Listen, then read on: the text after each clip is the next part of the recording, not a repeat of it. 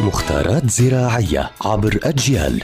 نتعرف في كل حلقة على سر من أسرار عالم الزراعة وفلاحة الأرض مع المهندس الزراعي مجدي عبد الله يعطيكم ألف عافية. أهلا بكل متابعي ومتابعات أجيال عبر منصاتها المختلفة. رح نحكي اليوم عن موضوع مهم وضروري كثير وهو كيفية استغلال بقايا الأدوات المنزلية أو بقايا القشور الموجودة عندي سواء كانت قشور برتقال قشور موز أو تفل القهوة في تسميد هاي النباتات ومكافحة الأمراض. فرح نحكي عن موضوع مهم وهو منقوع قشور البرتقال في الخل. يعني لقشور البرتقال فوائد عظيمة. يعني أنا أكلت حبة برتقال أنا بقدر أستغل قشور البرتقال في الزراعة. رح نحكي عن هذا الموضوع.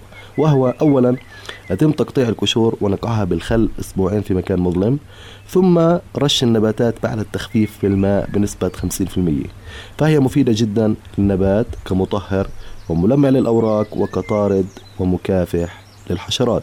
فقشور البرتقال جدا مهمة وجدا مفيدة عند نقعها في الخل سواء كان خل التفاح أو خل ثاني في مكافحة الأمراض اللي بتصيب النبات وأيضا بتلمعها. يعني عند النبتة بضفي عليها مظهر ايجابي وبتلمع ورقها وأيضا تستخدم pest control أي مكافحة الحشرات اللي ممكن تصيب هاي النباتات. فهذا هو موضوعنا اليوم وهو كيفية استغلال قشور البرتقال في مكافحة الأمراض وفي تلميع النباتات. يعطيكم ألف عافية.